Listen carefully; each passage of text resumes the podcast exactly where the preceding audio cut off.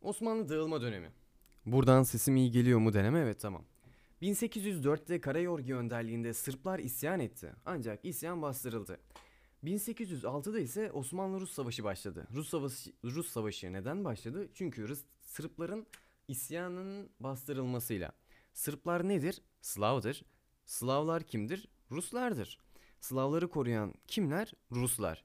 E biz Rusların yani Sırpların isyanını bastırdığımız zaman Rusya bize karşı cephe aldı ve 1806 yılında Osmanlı-Rusya Harbi başladı. Fransa ile Rusya Osmanlı Devleti'nin topraklarını paylaşan Tilsit Antlaşması'nı imzaladılar 1807'de. Bakın Osmanlı-Rus Savaşı as- aslında başlamayacaktı. Neden başladı? Fransa geldi dedi ki Osmanlı'ya. Ya biz senin arkandayız. Sen bu Rus- Rusya'yı alırsın. Geri sen bununla savaşa dediler. Biz de Fransa'nın gazına gelerek Rusya'ya savaş ilan ettik. Ardından savaşın ilanından bir yıl sonra Fransa gitti. Rusya ile Tilsit Antlaşması'nı imzaladılar. Bu antlaşma Osmanlı Devleti'nin topraklarını Fransa ve Rusya arasında paylaştıran bir antlaşmadır. Yani Fransa arkamızdan vurdu burada. Ardından biz tabii ki Rus savaşını kaybettik. Ağzımıza kürekle vurdu Ruslar. 1812 yılında Rusya ile Bükreş Antlaşması imzalandı. Sırplar bu antlaşmayla Osmanlı Devleti'nden imtiyaz elde eden ilk toplum oldu. Bakın 1804 tarihinde Sırpların bir isyanı söz konusu yani Osmanlı içerisinde ilk isyan eden toplum ve ilk imtiyaz elde eden toplum Sırplardır. Yani ilk şey de diyebiliriz toplum yerine halk, ırk fark etmez. Ardından 1815 yılında Viyana Kongresi toplanıyor.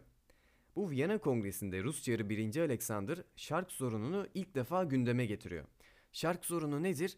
Türklerin Anadolu'dan Orta Asya'ya geri gönderilmesidir. Bunu gündeme getiriyor ve bu hasta adamın işini bir bitirelim diyor.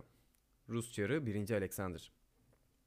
Ardından Viyana Kongresi'nde alınan en önemli karar şudur ki nerede olursa olsun, dünyanın neresinde olursa olsun ulusçuluk isyanı varsa yani bir imparatorluğun içinde bir ulus ulusçuluk akımıyla birlikte isyan ediyorsa eğer o zaman bu ulusçuluk isyanı Viyana Kongresi'ne katılan tüm devletler tarafından beraber birlikte bastırılacak. Yani ulusçuluk akımından korkuyor devletler. Bu yüzden nerede bir ulusçuluk isyanı varsa bastırılacak diyorlar. Ardından Fransa'yı biliyorsunuz ki Napolyon Fransız ihtilalinden sonra Napolyon önderlik etmişti ve Napolyon Avrupa'nın içinden geçmişti. Öyle böyle değil. Fransa'nın ortadan kaldırıldığı krallıkların yeniden kurulacağı kararı da alınıyor Viyana Kongresi'nde. Böylece Avrupa'da restorasyon dönemi başlıyor. Hani Napolyon Avrupa'nın içinden geçti, yakıp yıktı, yerle bir etti ya. İşte bunları yeniden yapılandıralım, yıkılanları yeniden kuralım, restorasyon dönemi o yüzden. 1820'de ise Rus general Alexander Ypsilanti tarafından Filiki Eterya Cemiyeti kuruldu ve Eflak'ta Rumlar ayaklandı. ayaklandı ancak isyan bastırıldı. İsyan bastırıldı. Neden kolaylıkla bastırıldı? Çünkü Rumların asıl nüfusu Eflak'ta değil de Mora'da. Yani küçük bir nüfus Eflak'ta isyan ediyor ve Osmanlı kuvvetleri kolayca bastırıyor. Ardından asıl isyan bir yıl sonra 1821'de Mora'da başlıyor. Mora'da Yunan yani Rum isyanı başlayınca Osmanlı Devleti Mısır valisi Mehmet Ali Paşa'dan yardım istiyor. Peki Osmanlı Devleti neden bunu kendi bastırmıyor? Şöyle ki Yanya valiliğinden azledilen Tepedelenli Ali Paşa bu sıralarda isyan etmiş. Osmanlı Devleti'nin asıl birlikleri bu valiyle kapışıyor. O yüzden de Mehmet Ali Paşa'dan biz yardım istiyoruz. Mehmet Ali Paşa o zamanlar çok güçlü. Neden çok güçlü? Çünkü Osmanlı'ya ödemesi gereken vergileri ödememiş, kendini almış ve o vergilerle de kendine bir ordu kurmuş, kendine bir gazete çıkarmış, kendi donanmasını kurmuş adam. Çok güçlü, ayrı bir devlet gibi. Ama vali, vali diye geçiniyor işte. Mehmet Ali Paşa geliyor, buradaki isyanı bastırıyor tabii. Sonra geri dönüyor Mısır'a. Mısır'a geri dönünce burada isyan tekrar çıkıyor. O Mehmet Ali Paşa gitti hadi tekrar isyan edelim diyor Rumlar. Ve tekrar tekrar tekrar ve tekrar isyan ediyorlar. Ardından 2. Mahmut dönemin padişahı Navirin'de bir donanma kuruyor. Donanmayı oraya gönderelim de oradaki Rumları sakinleştirelim tabiri caizse. Öyle onun için bir donanma kuruyor ve Mora'daki ayaklanmayı, isyanı bastırmaya göndermek için bekletiyor. Bekletiyor dediğim gönderecek. Yani Navarin'de bekliyor donanma. Fakat bunun haberini alan Rusya, İngiltere, Fransa diyorlar ki biz bu donanmayı yakalım. Çünkü biz kötüyüz. Osmanlı'nın ölmesini, yok olmasını istiyoruz. Çünkü topraklarını çalacağız. Diyorlar. O yüzden Viyana Kongresi'nin en önemli maddesini ihlal ederek Navarin'de Osmanlı'nın donanmasını yakıyorlar. Böylelikle 1815 Viyana Kongresi ile başlayan restorasyon dönemi sona eriyor. Çünkü en önemli maddesini sen ihlal ettin. Anlamı mı kaldı? Anlamı kalmadı tabii Viyana Kongresi'nin. Ardından biz tazminat talep ediyoruz. İngiltere, Fransa, Rusya'dan. İngiltere ve Fransa tamam ben senin donanmanı zaten yaktım. Benim için bir sıkıntı kalmadı. Al sana para dediler ve tazminat ödemeyi kabul ettiler. Lakin Rusya yo ben sana niye tazminat ödeyeceğim ki sen bana öde dedi ve savaş ilan etti. Böylelikle 1828 Rus-Osmanlı savaşını tabii ki Rusya kazandı. Yeniden ağzımıza kürekle vurdular. 1829'da Rusya ile Osmanlı Devleti arasında Edirne Antlaşması imzalandı.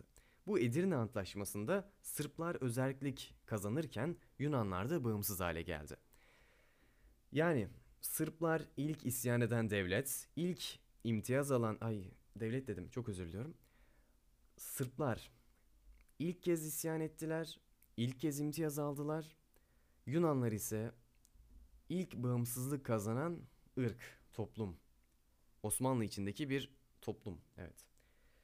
Ardından 1833'te Mehmet Ali Paşa'nın ordusu Kütahya'ya kadar geliyor. Neden Kütahya'ya kadar Mehmet Ali Paşa'nın ordusu geliyor? Çünkü Mehmet Ali Paşa'ya demiştik ki Mora'daki isyanı bastırırsan Mora senindir. Mora valiliği senindir. Mehmet Ali Paşa Mora'yı istiyor. Mora'daki valiliği şey Mora'daki isyanı eğer bastırırsam diye.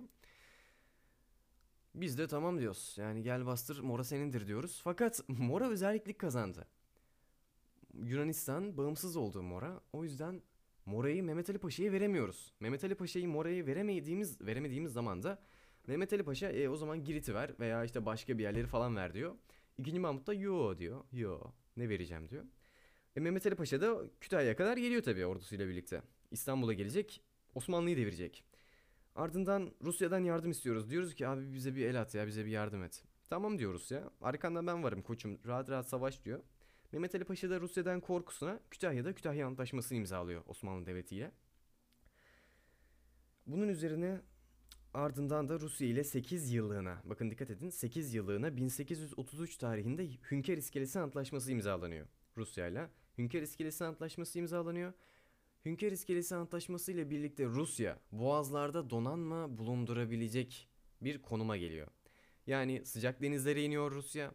Panslavizm politikasının bir maddesidir sıcak denizlere inmek. Ve ardından boğazlarda bir donanmaya sahip oluyor. Bunun Fransa ve İngiltere açısından tabii kötü bir yanı var. Nedir bu kötü yan? İngiltere ve Fransa Akdeniz'i kullanarak sömürgelerine irtibat sağlıyor. Yani sömürgeleriyle Akdeniz'den iletişim kuruyor.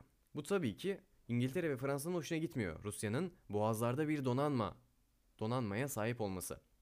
Bu yüzden diyorlar ki abi, abi bir durun ya abi bir durun. Bir durun. Bir durun diyorlar. Boğazlar o yüzden ilk defa Hünkar İskelesi ile sorun haline geliyor. Osmanlı Devleti Boğazlar üzerinde son kez egemenlik hakkını Hünkar İskelesi Antlaşması'nda kullanıyor. Ardından 1838 yaklaşık 5 sene sonra İngiltere ile Osmanlı Balta Limanı Antlaşması'nı imzalıyor. Evet, Balta Limanı Antlaşması. İngiltere diyor ki kapitülasyonlar devam edecek. İngiltere'ye yeni imtiyazlar vereceksin. İşte İngiltere böyle, İngiltere şöyle, İngiltere'ye şunu ver, İngiltere'ye bunu ver. Biz Osmanlı'dan şunu alacağız. Balta Limanı kötü bir antlaşma tabii bizim için. Sonrasında 1839 yılında Osmanlı Devleti ile Mehmet Ali Paşa yine savaştı. Nizip Savaşı'nı yaptı ve yine kaybetti. Nizip Savaşı'nın kaybından sonra 2. Mahmut üzüntüden vefat ediyor. Peki Mehmet Ali Paşa niye geldi? Çünkü hala istiyor. Hala bir şeylerin ona verilmesini istiyor. 1840'ta Mısır sorunu için yani Mehmet Ali Paşa sorunu için Londra konferansı toplanıyor. Böylece Mısır sorunu bir iç, iç sorunken bir dış sorun haline geliyor. Osmanlı Devleti bu konferansta Avrupalı devletlerin desteğini alabilmek amacıyla Tanzimat Fermanı'nı ilan ediyor. İşte yavaş yavaş yıkılışa adım adım gitmemizin habercilerindendir Tanzimat Fermanı. Ardından ıslahat geliyor. Salak saçma fermanlarla Osmanlı yıkılışa doğru adım adım kendisi yürüyor. Neyse 1841 yılında bakın dikkat edin dikkat edin tarihe. 1833'te Hünkar İskelesi Antlaşması'nı Rusya ile imzalamıştık ve bu İngiltere ve Fransa'nın hoşuna gitmemişti. Bu antlaşma 8 yıllık bir antlaşmaydı ve 8 yıl sonra yani 1841'de Boğazlar sorunu için Londra konferansı toplandı. Hünkar İskelesi Antlaşması'nın süresi bitiyor. Bu an- konferans toplandığı zaman böylece Boğazlar uluslararası bir sorun haline gelmiş oldu. Bir taraftan Rusya, bir taraftan İngiltere ve Fransa.